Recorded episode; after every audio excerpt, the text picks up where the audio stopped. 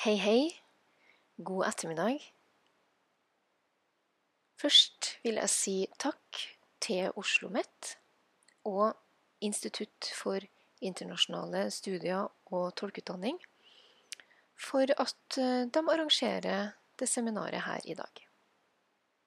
Ja, her står jeg som professor. Veldig spennende, og en ære, selvfølgelig. Men jeg hadde aldri et mål om at jeg noen gang skulle bli professor. Men etter hvert som jeg jobba i akademia, så så jeg at eh, jeg hadde muligheter. Så jeg søkte, og jeg var kvalifisert. Og så ble jeg da professor for ca. ett år siden. Jeg er jo ny som professor på Oslo OsloMet, ja. Men det viktigste i dag, ser jeg, er at jeg har blitt et ufrivillig symbol i Tegnspråk-Norge. Som den første døve tegnspråklige med professortittel. Og når man tiltrer som professor, har man ofte en tiltredelsesforelesning, og det her er da min. Så takk til Oslo OsloMet for at jeg får muligheten til å dele dagen her med mitt faglige nettverk, i tillegg til mine aller nærmeste, av både døve og hørende, fra nært og fjernt.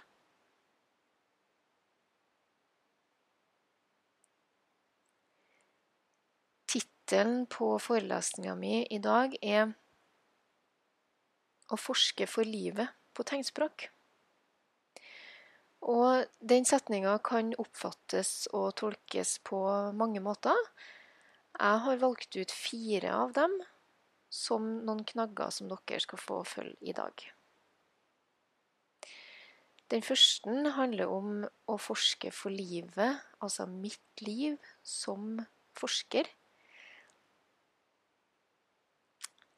Jeg har eh, alltid opplevd at forskning har vært et kall. Jeg har alltid vært eh, nysgjerrig og vitebegjærlig og hatt et ønske om å vite mer, forske mer. Den andre knaggen handler jo om at jeg som en tegnspråkperson er en del av en minoritet. Eh, jeg som forsker er alltid veldig synlig er liksom en av de sjeldne. Jeg har alltid med meg en tolk. Jeg er den som snakker tegnspråk. Jeg blir derfor ansett som en som er annerledes. Og i det her så ligger òg en forventning om hvem jeg er. Så jeg blir tvunget til å forklare og fortelle ja, hvem jeg er, at jeg forsker for livet på tegnspråk. For jeg er jo for tegnspråk, og at det skal være en selvfølge. I tillegg så forsker jeg jo på tegnspråk. Tegnspråk er jo en del av meg. Det er mitt språk. Det er det verktøyet som jeg bruker i min jobb. Den tredje knaggen handler om dokumentasjon. Jeg forsker på det tegnspråklige livet. Hva er det som skjer der? Til slutt vil jeg si noe om hastverket vi har for å forske på tegnspråk. Vi må forske for, for harde livet på tegnspråk. Vi må skynde oss, rett og slett. Så jeg skal gi dere et innblikk i mitt kall til å bli forsker og mitt vitebegjær. Jeg skal si noe om min posisjon som forsker. Jeg skal snakke om dokumentasjon og viktigheten av å dokumentere livet på tegnspråk. Og så til slutt nevne noe om det hastverket vi har. En annen parallell i denne forelesninga her er maleriene som jeg bruker av en amerikansk kunstner som heter Nancy Rorke. Hun er kjent for å være ekspresjonistisk i kunsten sin. Og hun bruker typisk mye gult, rødt og blått i sine uttrykk, i tillegg til svart og hvitt. Der det røde symboliserer styrke og samhold. Det gule symboliserer håp og lys. For lys trenger vi jo når vi tegnspråklige skal se hverandre. Det blå representerer trusler, marginalisering, undertrykkelse. I tillegg så kommer det positive i det hvite fram, og det negative og truslene vi omgir oss med gjennom det svarte. Så Nancy sin kunst kommer til å følge oss gjennom forelesninga, så ta en kikk på den, og besøk hjemmesida hennes etterpå. Takk til Nancy for at jeg får bruke maleriene hennes i dag.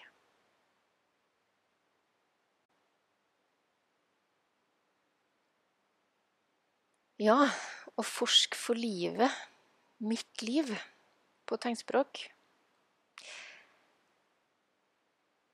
Ja, det var kanskje ikke så uventa at jeg skulle bli forsker. Jeg har jo vokst opp i en akademisk familie.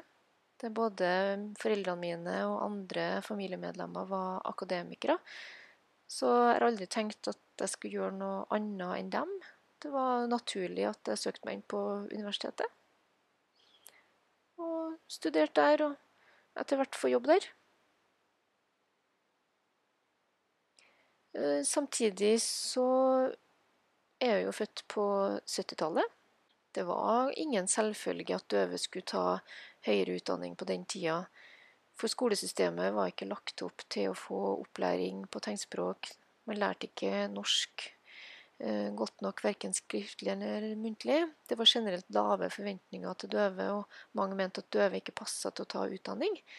Mens eh, jeg derimot har aldri opplevd sånne motforestillinger, så for meg var det en naturlig vei å gå, med støtte fra foreldrene mine. Jeg har jo også gått på hørende skole. Selv om de fleste døve gikk på døveskolen, så gikk jeg på min nærskole. Men i og med at eh, døveskolen ikke lå så langt unna, så fikk jeg venner både der og på nærskolen. I tillegg så gikk jo broren min, som òg er døv, på døveskolen. Barnevakta vår var døv. Så jeg fikk tidlig et tegnspråklig nettverk. Så jeg veksla da mellom å være en del av den hørende verdenen og den døve verdenen. Men likevel var jeg kun halvt deltakende i begge leirene. Eh, men det her gjorde jo til at jeg tidlig begynte å sammenligne de her verdenene. Og det ble en naturlig del av eh, livet mitt. Men så, som 17-åring, så reiste jeg til Gallaudet University i USA. Et sted hvor eh, alt foregikk på tegnspråk for døve av døve. Og det her var jo i 1988, og tilfeldigvis eh, når jeg var der, så oppsto det et massivt studentopprør og demonstrasjon. Fordi eh, universitetsstyret skulle ansette en ny rektor, og tradisjonelt sett har rektor alltid vært hørende. Men i 88 så var det muligheter for å ansette en døv rektor. I stedet ble det ansatt en hørende. Og det ble et enormt opprør. Store protester blant studentene. Og alt dette her ble jeg dratt med i, og en del av. Så det var ei uke som satte stort preg på min identitet. Det ga meg en tegnspråklig styrke kjente at jeg var i et fellesskap. Jeg kjempa sammen med flere som meg. Og den uka med demonstrasjoner og protester ga heldigvis resultater. Det ble ansatt en døv rektor. Og jeg var med på den historiske begivenheten, og den har vært med meg hele veien. Uh, i tillegg så ga det her meg en styrke, et nettverk og muligheter på veien til å bli en døv forsker.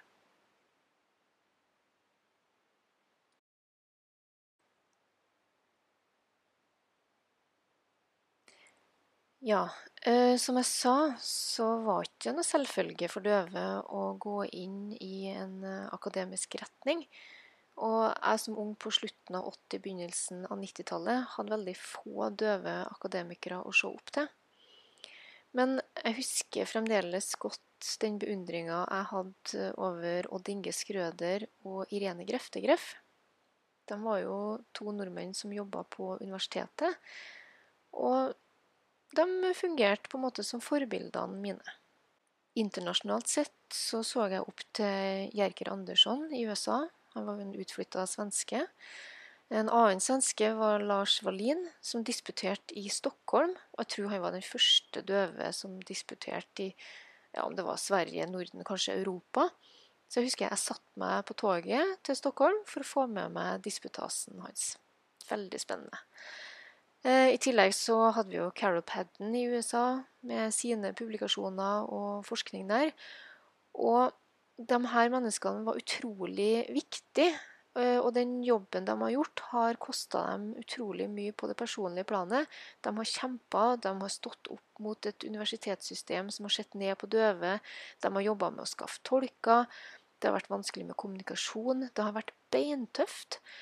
Og sjøl om de har opplevd en masse barrierer og hindringer, så har kampen deres ført til at dørene etter hvert har åpna seg om enn bare på gløtt. Eh, så da jeg og første generasjon, den første bølgen av døve studenter kom, så sto døra allerede såpass på gløtt at det var mulighet for oss for å smette inn og dytte den enda mer opp. Så kampen de tok før oss, den var veldig, veldig viktig. Så jeg er kjempetakknemlig for at de gjorde det mulig for oss som kom etter dem.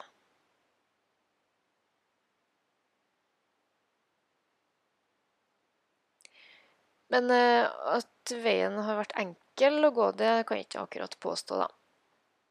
Eh, F.eks. når det gjaldt å få tolk. Nav, som den gangen het eh, Rikstrygdeverket, de hadde akkurat åpna opp for at de kunne betale for tolk hvis utdanninga var knytta til et attføringsløp. Så vi måtte først søke attføring, og når den var på plass, så kunne vi be om å få tolk. Men Rikstrygdeverket kunne jo ikke formidle tolkene. Det måtte vi ordne sjøl. Så ved semesterstart så fikk jeg en kurskatalog. Husk at det her var før Internett. Jeg hadde en katalog med alle fag, emner, tidspunkt og dager for forelesning. Så måtte jeg lete opp mitt fag, se på tiden, eh, sted for undervisning osv. Og så var det å ringe opp teksttelefonen, ha telefonkatalogen klar og ringe opp hver enkelt tolk for å spørre om de hadde tid. Ok, kan du tolke da? du kan på tirsdag, kjempefint, men du kan ikke torsdag. Ok, da må jeg ringe en annen tolk, osv. osv. Så, så sånn holdt jeg på, da. Hvert eneste semester. Kjempearbeid. Og sånn måtte nå vi studentene kjempe, da.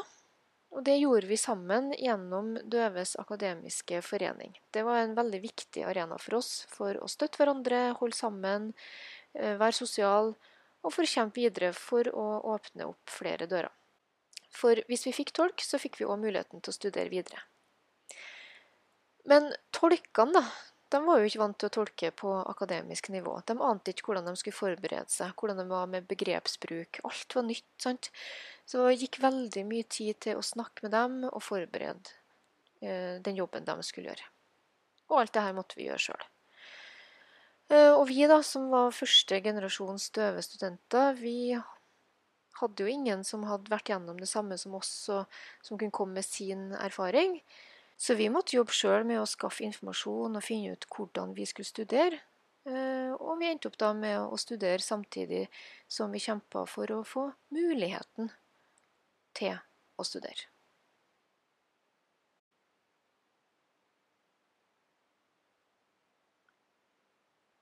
Ja, og det bringer oss egentlig over på neste tema.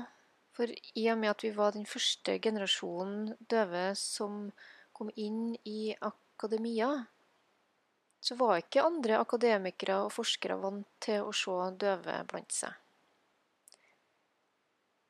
Jeg f.eks. ble veldig annerledes. En annen person, plutselig. Det ble problematisert at eh, jeg var døv.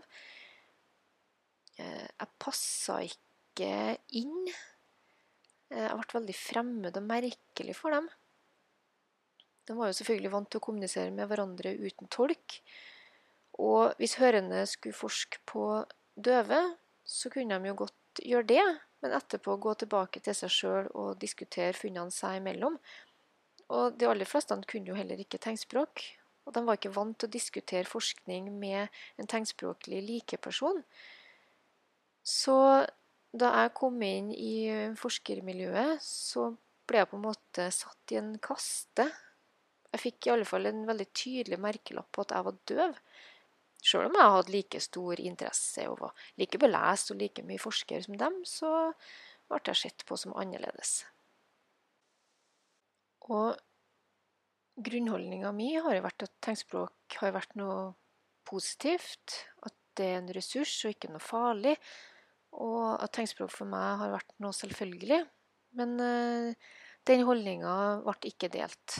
Jeg ble sett på som at jeg ikke var nøytral og objektiv nok. Jeg ble bedt om å distansere meg. Jeg måtte ikke argumentere for tegnspråk. Men jeg gjorde jo ikke det. Tegnspråk er jo en del av mitt liv, en del av døve. Det er jo en ressurs. I stedet for at mange forskere kan ha en holdning om at tegnspråk er til hinder for døve, det er viktig at de lærer seg tale og skriftspråk for å kunne delta i samfunnet, og tegnspråk det kan døve ha for seg sjøl. Mens for meg så gir jo tegnspråk muligheter til f.eks. deltakelse i samfunnet. Så vi hadde et veldig ulikt syn der, da. Men siden jeg var alene om å mene det, så ble jeg ansett som den merkelige. Og sånn har det jo vært opp gjennom årene. Jeg har fått en god del negative kommentarer og bemerkninger om at eh, jeg som døv har for mye nærhet til gruppa jeg forsker på, at jeg må distansere meg mer og være mer objektiv. Eh, og sånne reaksjoner har gjort at jeg har måttet reflektert mye rundt hva forskning er, og hva mitt syn innebærer.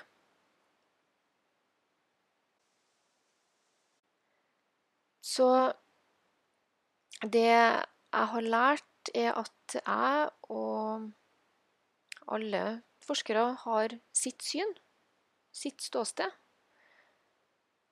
Jeg ser jo ikke nøyaktig det samme som en annen forsker. Altså, vi kan sikkert se mye av det samme, selvfølgelig, men ut ifra bakgrunn, holdninger, erfaringer, språk, er man hørende eller døv, så påvirker alt oss i måten vi ser ting og oppfatter verden på.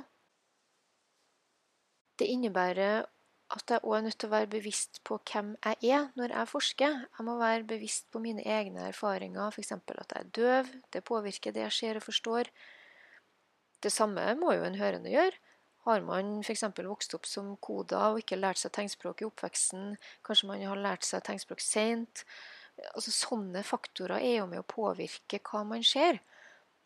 Og det handler ikke om at noe er riktig eller feil, men det handler om at hver enkelt av oss er ulik. Så Derfor så er det viktig at man tar en runde med seg sjøl og finner ut hvem man er. Og så er det jo sånn at alle kan ikke se alt. Eh, alle ser ting ut fra ulike perspektiver. Så ta f.eks. metaforen om eh, elefanten, eh, der ei gruppe blinde i India skulle føle på hver sin del. En kjent på øret, en på snabelen, én en på beina, én en på halen.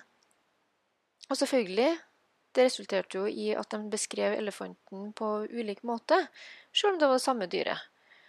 Så forskning har jo behov for å se ting fra ulike sider, eh, uten at det betyr at noe er mer riktig enn det andre. Så jeg som forsker skal jo ikke blande inn mine egne meninger. Jeg skal selvfølgelig ikke argumentere for dem. I stedet så skal jeg se på fakta, eh, data, samle informasjon om hva folk gjør. Men likevel så vil jo de brillene jeg har på, være med å påvirke hva jeg ser. Så det er viktig å vite hvem det er som beskriver, og ikke bare fokusere på å beskrive fenomenet og det som skjer. Og det gjelder jo alle, ikke bare minoriteter. Så for meg er det naturlig som døv tegnspråklig forsker å si at ja, jeg påvirker forskninga mi. Og det må jeg forklare, samtidig som jeg må vise at jeg tar et ansvar. Jeg prøver å vise eh, transparens i forskninga mi. La andre få et innblikk i hvordan jeg har skaffa data, hvordan min tolkning av materialet er, osv. Så, det kommer fram tydelig hvordan jeg har skaffa eh, den kunnskapen.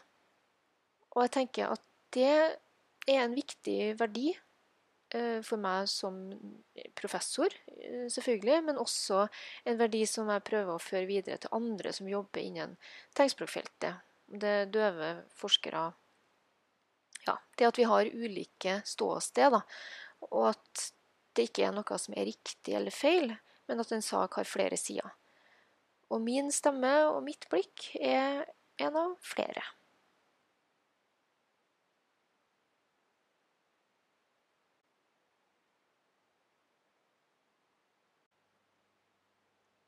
Så når jeg skal forske på tegnspråkliges liv, så tar jo jeg med meg meg sjøl inn i forskninga. Jeg er jo utdanna sosialantropolog, så jeg er mest interessert i å se på hvordan folk samhandler, hva de gjør, hvilke handlinger de driver med. Jeg ser på ting, kultur. Ja, jeg er klar over at det er et vanskelig ord. Men altså, jeg ser på hva folk gjør når de møtes, hvordan de gjør ting, hvordan de møtes, hvor de møtes, hvilke tema som dukker opp, hvilke holdninger de har, og sånne ting. Og sånt må dokumenteres. Det er forskerne sin oppgave. De skal dokumentere. Og så er vi heldigvis lingvister som ser på selve tegnspråket og dokumenterer det. Mens jeg er mer interessert i å se på dem som snakker tegnspråk, og hva de gjør. Hvordan er livene deres? Så det er jo det arbeidet mitt har bestått av. Og nå har jo jeg drevet med forskning i ja, 20 år, litt over 20 år. Og har jobba med en del prosjekter opp gjennom årene. Og nå når jeg skulle søke om opprykk til professor, så måtte jeg jo redegjøre for alt jeg har gjort. Og det ga meg jo òg en mulighet til å se tilbake, finne de linjene og temaene som jeg har fokusert på. Og Den gangen så opplevde jeg nok at jeg jobba med veldig enkeltstående prosjekter. Men nå ser jeg ting på en annen måte, har et annet blikk på arbeidet mitt og kan se de trådene tydeligere. Så ut ifra det har jeg plukka noen tema som jeg vil løfte sammen med dere i dag.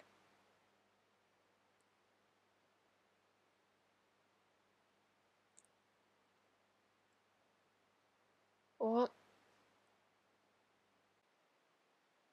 det å forske på det tegnspråklige livet, det handler jo om å dokumentere det som skjer. Men hva skal vi dokumentere? Et av de viktigste tingene å få fram er jo at tegnspråk, som jeg har nevnt, er en ressurs. At tegnspråket for mange av oss er en del av oss. Det er naturlig. Det, det er ikke et problem, ikke et hinder, det er ikke en vanske. Men det er en del av livene våre. Det er en del av mitt liv. Eh, og det gir oss eh, uante muligheter, det gir oss et nettverk. Og så skaper det selvfølgelig noen hindringer fordi at vi møter på mennesker som ikke kan tegnspråk. Men grunnholdninga er jo at tegnspråk i seg sjøl er en ressurs. Og ikke bare for meg som et individ, men fordi at man får et nettverk rundt seg. Så det skal ikke være sånn at Eh, det skal være tegnspråk i stedet for tale, eller en stakkarsliggjøring om at man må ha tegnspråk fordi man er døv, at man er avhengig av tegnspråk. Min holdning er at tegnspråk er en del av livet. Det er en del av mitt liv. Det er en del av det grunnleggende blikket man har på hvordan man oppfatter ting, rett og slett. Så jeg skal ta for meg tre temaer som forskninga mi i stor grad har dreid seg om. I tillegg så skal jeg si noe om hva vi trenger mer forskning på. Hva trenger vi mer av? Hvordan er forskningsbehovet i framtida? Men det som òg er viktig, er jo å se på hva vi allerede vet om døve og tegnspråklige sine liv. Hva vet vi som vi kan bruke som grunnlag inn i fremtidas forskning?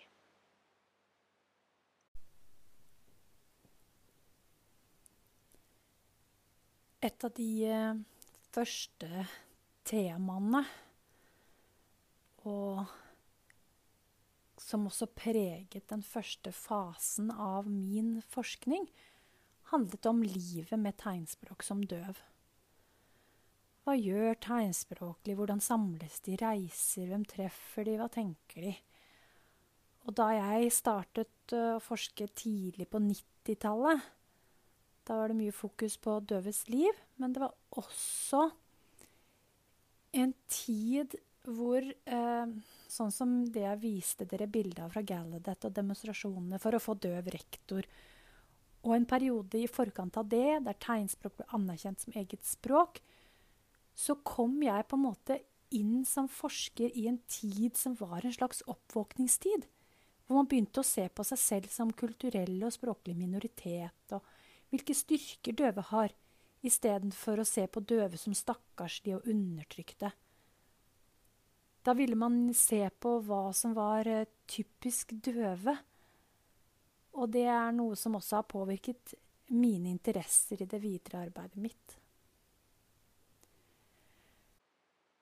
Og i de prosjektene jeg har vært med, eh, de viser at tegnspråk gir et veldig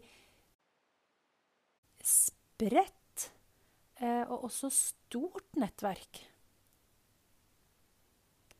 Man har ikke et nettverk bare på det stedet eller i den byen man bor i, men det er over hele landet, Norden og verden. Og tegnspråk er som en nøkkel som åpner mange dører. Der det er én tegnspråklig, er det også et nettverk utover det. Og for at tegnspråk skal kunne utvikle seg, for at man skal kunne få nye ideer og utvikle kultur og erfaringer, så må man jo ha et nettverk. Man må kunne samles med andre. Uten det forsvinner tegnspråket. Så nettverket er kjempeviktig, og det på mange nivåer. Døvforeningen, samarbeid, politikk, sport og på mange måter og også i den intergenerasjonelle overføringen mellom voksne, ungdom og barn, hvor man har behov for å få overføring fra de eldre av språk, erfaringer, strategier og måter å navigere og takle den hørende verden på. Til det trenger man å snakke med andre som har erfaringer, slik at man selv kan få en lettere vei inn og navigere i den hørende verden. Og de forskerne som var den tidlige generasjonen, disse fem som jeg viste bilde av, de har jeg lært masse av. De har åpnet dører som har gjort at jeg igjen kan åpne dører og gi den erfaringen videre. Så nettverket er kjempeviktig for tegnspråklige. Ofte tror man at man kan gi tjenester til tegnspråklige bare man setter inn en tolk. Men det holder ikke med én tolk.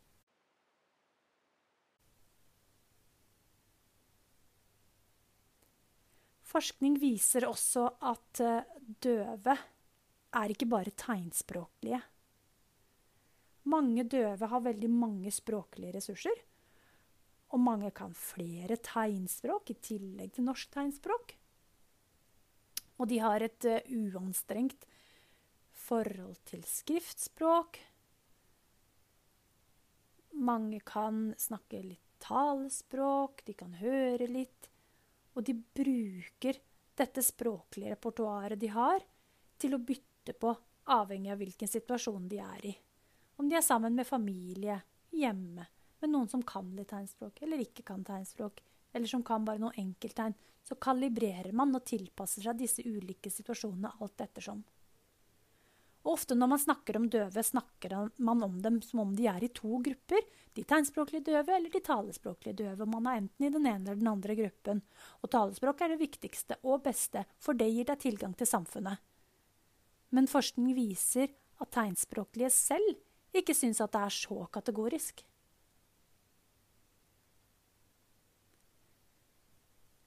Tanken om inkludering er også noe som har vært holdt høyt gjennom lang tid, og også vært viktig gjennom min forskningstid.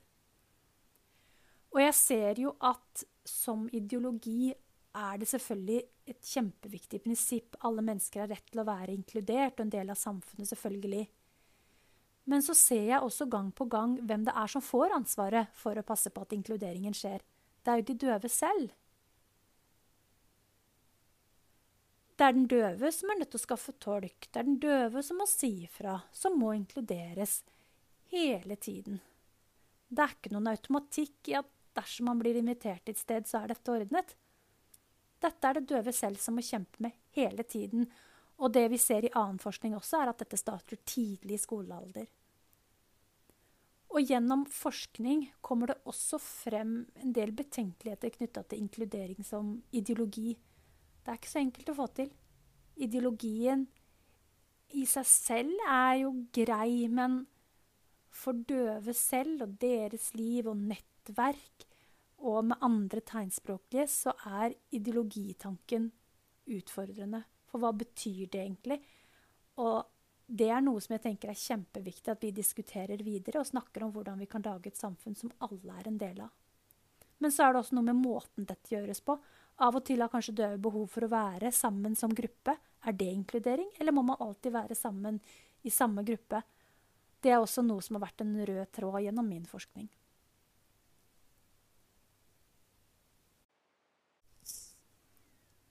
Når vi ser på disse fire perspektivene jeg har satt opp, så så jeg etter hvert at mange i min forskning satte merkelapper på døve og utsagn som 'det er typisk døvekultur' og 'døve er sånn eller sånn'. Men jo mer jeg ser på det, jo mer undrer jeg meg over om de erfaringene og handlingsmønstrene egentlig handler mer om allmennmenneskelige reaksjoner. Mennesker har behov for nettverk. Mennesker har behov for å delta.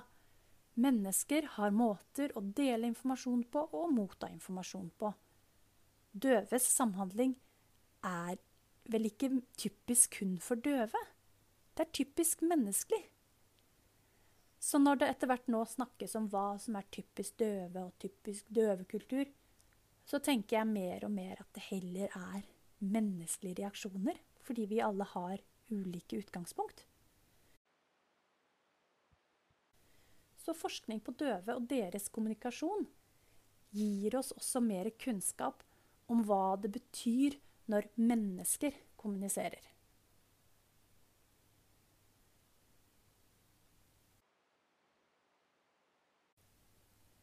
Et annet tema som jeg er blitt mer og mer interessert i etter hvert, er at tegnspråklige, selv om de er en egen gruppe, så er de også en del av storsamfunnet.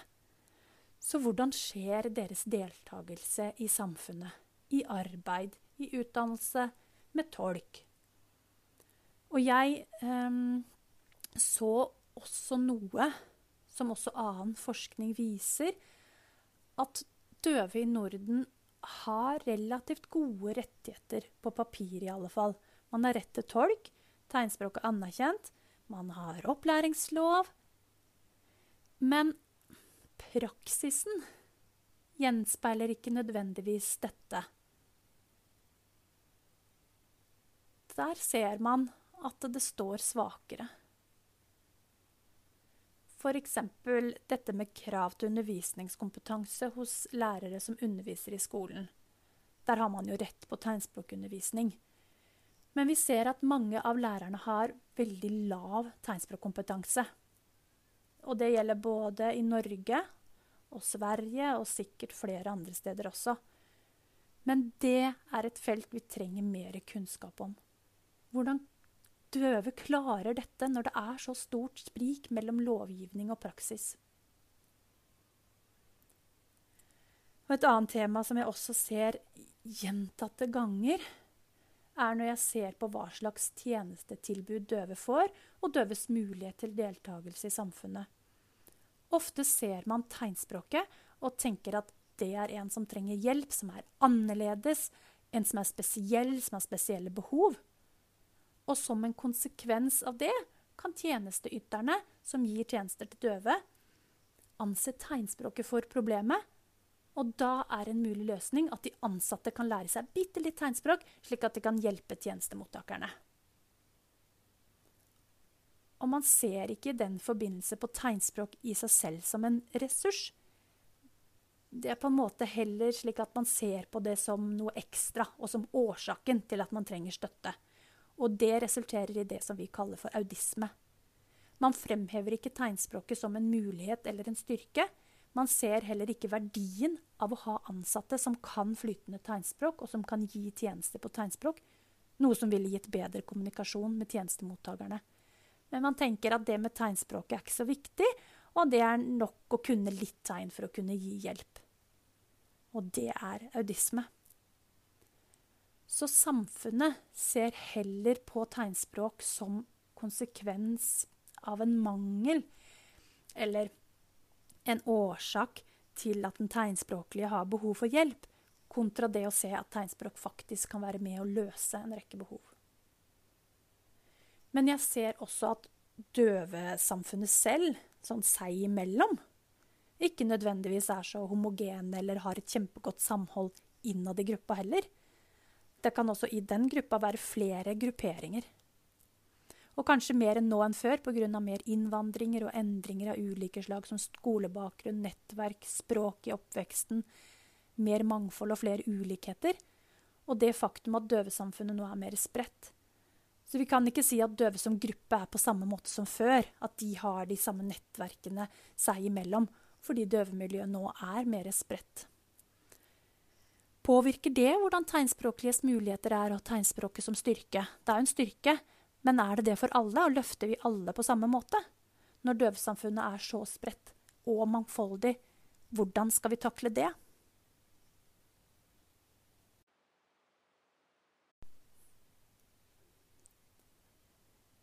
Det tredje temaet som jeg har jobbet med, og det er litt mer nylig, er det at uh, døves liv er ensbetydende med å alltid ha en tolk i nærheten. Og det er både på godt og vondt.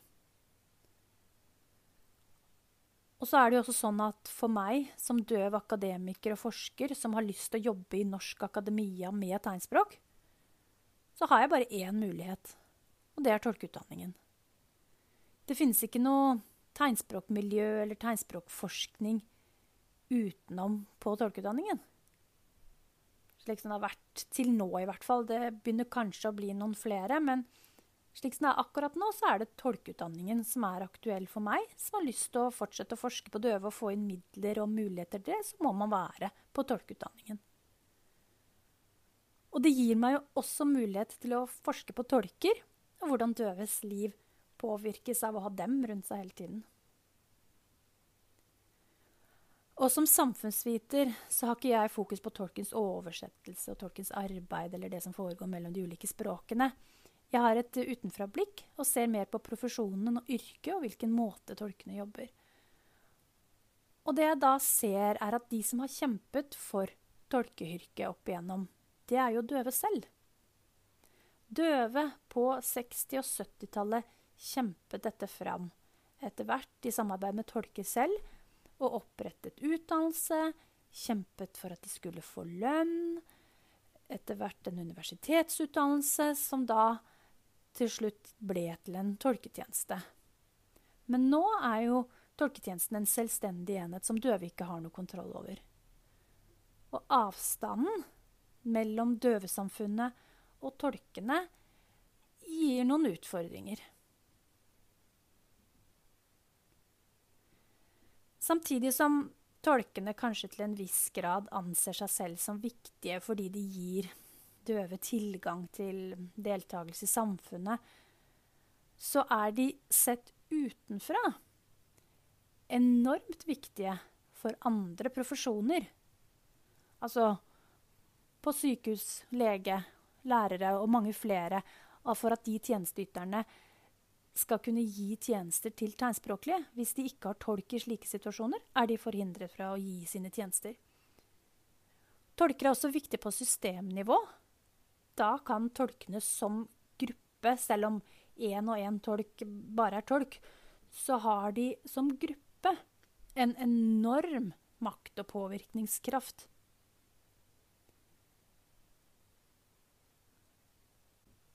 Så det er noe vi har behov for å løfte diskusjonen om hvilke type makt tolkene innehar, og hvordan deres holdninger og muligheter er. Samtidig ser vi at generelt i samfunnet vet man ikke hva tolk er. Man tenker kanskje at det er nok å kunne to språk. Noe som virkelig undervurderer kravene til tolkenes ferdigheter. Og vi gir jo en treårig tolkeutdanning hos oss. Og vi ser at det er knapt. Vi skulle helst gitt dem mye mer, for det er høye kunnskapskrav til dem på en rekke områder. Samtidig er det mange som døve da, som tenker at tolker kan alt, og dermed overvurderer dem. Når tolken er på plass, så tenker man at alle kommunikasjonsutfordringer er løst. Men sånn er det absolutt ikke. Tolkene kan oversette mellom de to språkene, ja, men de løser ikke alltid kommunikasjonen. Men når folk tror at tolken gjør alt dette, så tilslører også tolken alle de utfordringene som kan være i kommunikasjonen. Og problemene kommer ikke engang til syne fordi tolken dekker over det. Så det er mye positivt med tolking, men det gjør også at ikke vi ser de problemene som ligger der.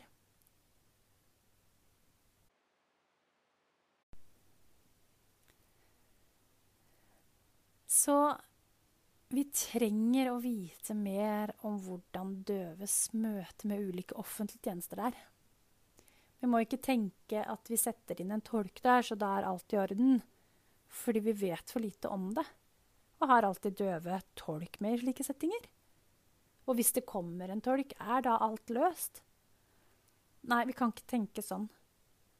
Forskning viser at det ikke nødvendigvis alltid er sånn, og vi har i hvert fall behov for å vite mer om hva som skjer når tegnspråklige møter offentlige tjenesteytere. På sykehus eller Nav-kontorer osv. Hvordan skjer kommunikasjonen? Hva slags utbytte har de av det? Føler de at de har fått hjelp? Er det likeverdige tjenester?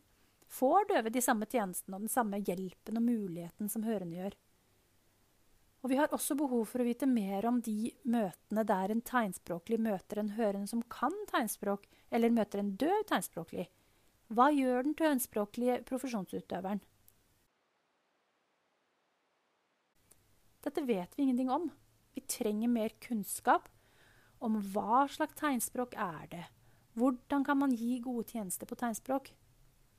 Og vi har også behov for å vite mer om døve og tegnspråkliges mangfoldighet.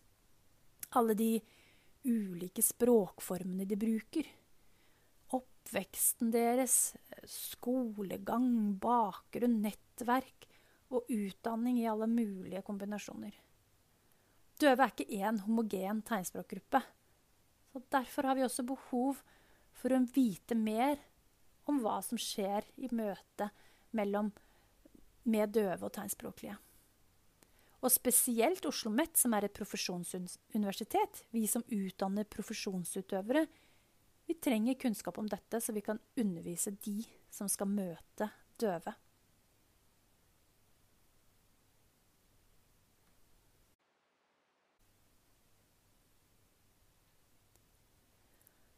Denne kunnskapen trenger vi jo forskning på i dag. Men vi kan også se tilbake på da eh, døveskolene og omsorgstjenester for døve og tegnspråklige ble etablert, og hvem det var som etablerte disse først. Det var jo døve selv. Og som dere sikkert vet, ble den første døveskolen etablert av Andreas Christian Møller, som selv var døv. Han dro til København og tok utdanning på døveskolen der, før han etablerte døveskolen i Trondheim. Det samme var det også med Signo. Det startet jo med at Oslo Døveforening ansatte en prest etter innsamling av midler til det. Og han reiste rundt og samlet informasjon om og fant døve som bodde alene rundt i Norges land. De som ikke fikk undervisning eller den hjemmen, hjelpen de trengte, så ønsket man da å samle alt det på ett sted, og etablerte det som den gang het Hjemmet for døve. Dette ser, kan vi se fremdeles i dag, som f.eks. da min sønn jobba på Sankthanshjemmet, fortalte han at han så døve satt sammen som en egen gruppe og snakka sammen og holdt hverandre med selskap. Fordi de har et delt og samme nettverk opp igjennom. Selv om de kanskje var demente, eller det var nye temaer de ikke hadde kjennskap til, som de snakket om, så hadde de masse felles referanser som de hadde utbytte av når de snakka sammen. Men de hørende på samme avdeling de hadde jo ikke samme bakgrunn, eller de var bare tilfeldigvis naboer uten noen annen tilknytning til hverandre, som da havna på samme omsorgstilbud. De satt for seg sjøl, én og én. Men de døve de hadde stort utbytte av nettverket sitt. Det er en stor ressurs. Samtidig er det jo viktig at personalet kan tegnspråk, slik at de kan hjelpe og få med seg hva beboernes behov er. Og når døve hjelper døve, så heves kvaliteten. Og tegnspråklig hjelper tegnspråklig, så økes mulighetene. Men vi ser også i dag i f.eks. samarbeid mellom Oslo Døvforening og Oslo kommune, som begge, har, begge steder har døve ansatte. Da kan Døveforeningen fange opp behov og se om det er noen som har utfordringer eller problemer som de kan melde fra om til Oslo kommune og rådgivningskontoret som har døve ansatte, og koble dette sammen. Så døve og tegnspråk er en ressurs i denne sammenhengen når det kommer til å gi omsorgstjenester til tegnspråklige. Og der håper jeg at vi etter hvert kan forske mer på, på hvordan tegnspråk kan bli en ressurs. Og så får vi jo også støtte nå fra den nye språkloven som trådte i kraft 1.1.2022. Og i språkloven så står det Det er viktig å passe på at tegnspråklige får møte og bruke sitt språk på så mange arenaer som mulig. Særlig viktig er det å skape tegnspråkarenaer der det ikke brukes tolk, slik at kommunikasjonen skjer på tegnspråk. Så hva betyr dette for forskningen og profesjonsutdanningene? Det gir oss muligheter. Det gir oss eh, muligheter, men så haster det også litt. For vi ser nå gjennom de 20-30 siste årene med nedleggelser av døveskolene, og at alle disse viktige arenaene der tegnspråkoverføringen skjer, og man kan snakke sammen på tegnspråk, de forsvinner én etter én. Og de ungdommene som vokser opp nå, hvilke muligheter har de, de nye generasjonene som vokser opp til å lære å møte tegnspråk? Så vi er også nå i en fase der jeg føler at vi må skynde oss å forske og få dokumentert døve og tegnspråkliges liv.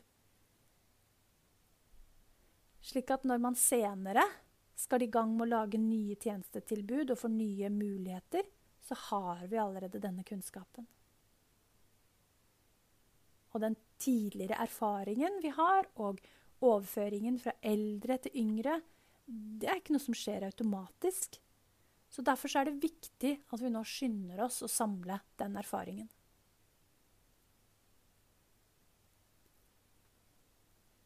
Selv om vi nå føler at vi lever i tolvte time, og det er like før klokka slår tolv, så har vi fremdeles håp og muligheter til å gjøre dette. Det er viktig å få dokumentert døves liv nå. For det er så mye mer mangfoldig og sammensatt enn tidligere. Og det krever nye forskningsmetoder og nye måter å undersøke og få dokumentert tegnspråkliges liv på. Man kan ikke lenger bare oppsøke en døveforening og gjøre noen observasjoner. Vi må f.eks. ha nettbaserte metoder, for det er komplisert å finne de arenaene nå. Vi ser også nå med den nye språkloven og NOU-en om tegnspråk som skal komme, et arbeid som jeg har fått det store privilegium å lede, så håper jeg at vi i utvalget ikke skal trenge å diskutere eller argumentere for hvorfor tegnspråket er viktig og bra, men at vi kan legge det til side fordi det er en selvfølge, men at vi heller kan snakke om hvordan. Hvordan kan vi øke tilgjengeligheten og spre kunnskap om og fremme tegnspråk? Nå vet vi at det er viktig, og vi kan heller begynne å diskutere hvordan. Noe som gir meg håp om at norsk tegnspråk fortsatt har muligheter. I tillegg så haster det, fordi vi trenger den dokumentasjonen til å etablere utdanninger for fremtiden. Og sånne utdanninger jobber vi nå på Oslo OsloMet med, og det skal dere få høre litt mer om senere i ettermiddag.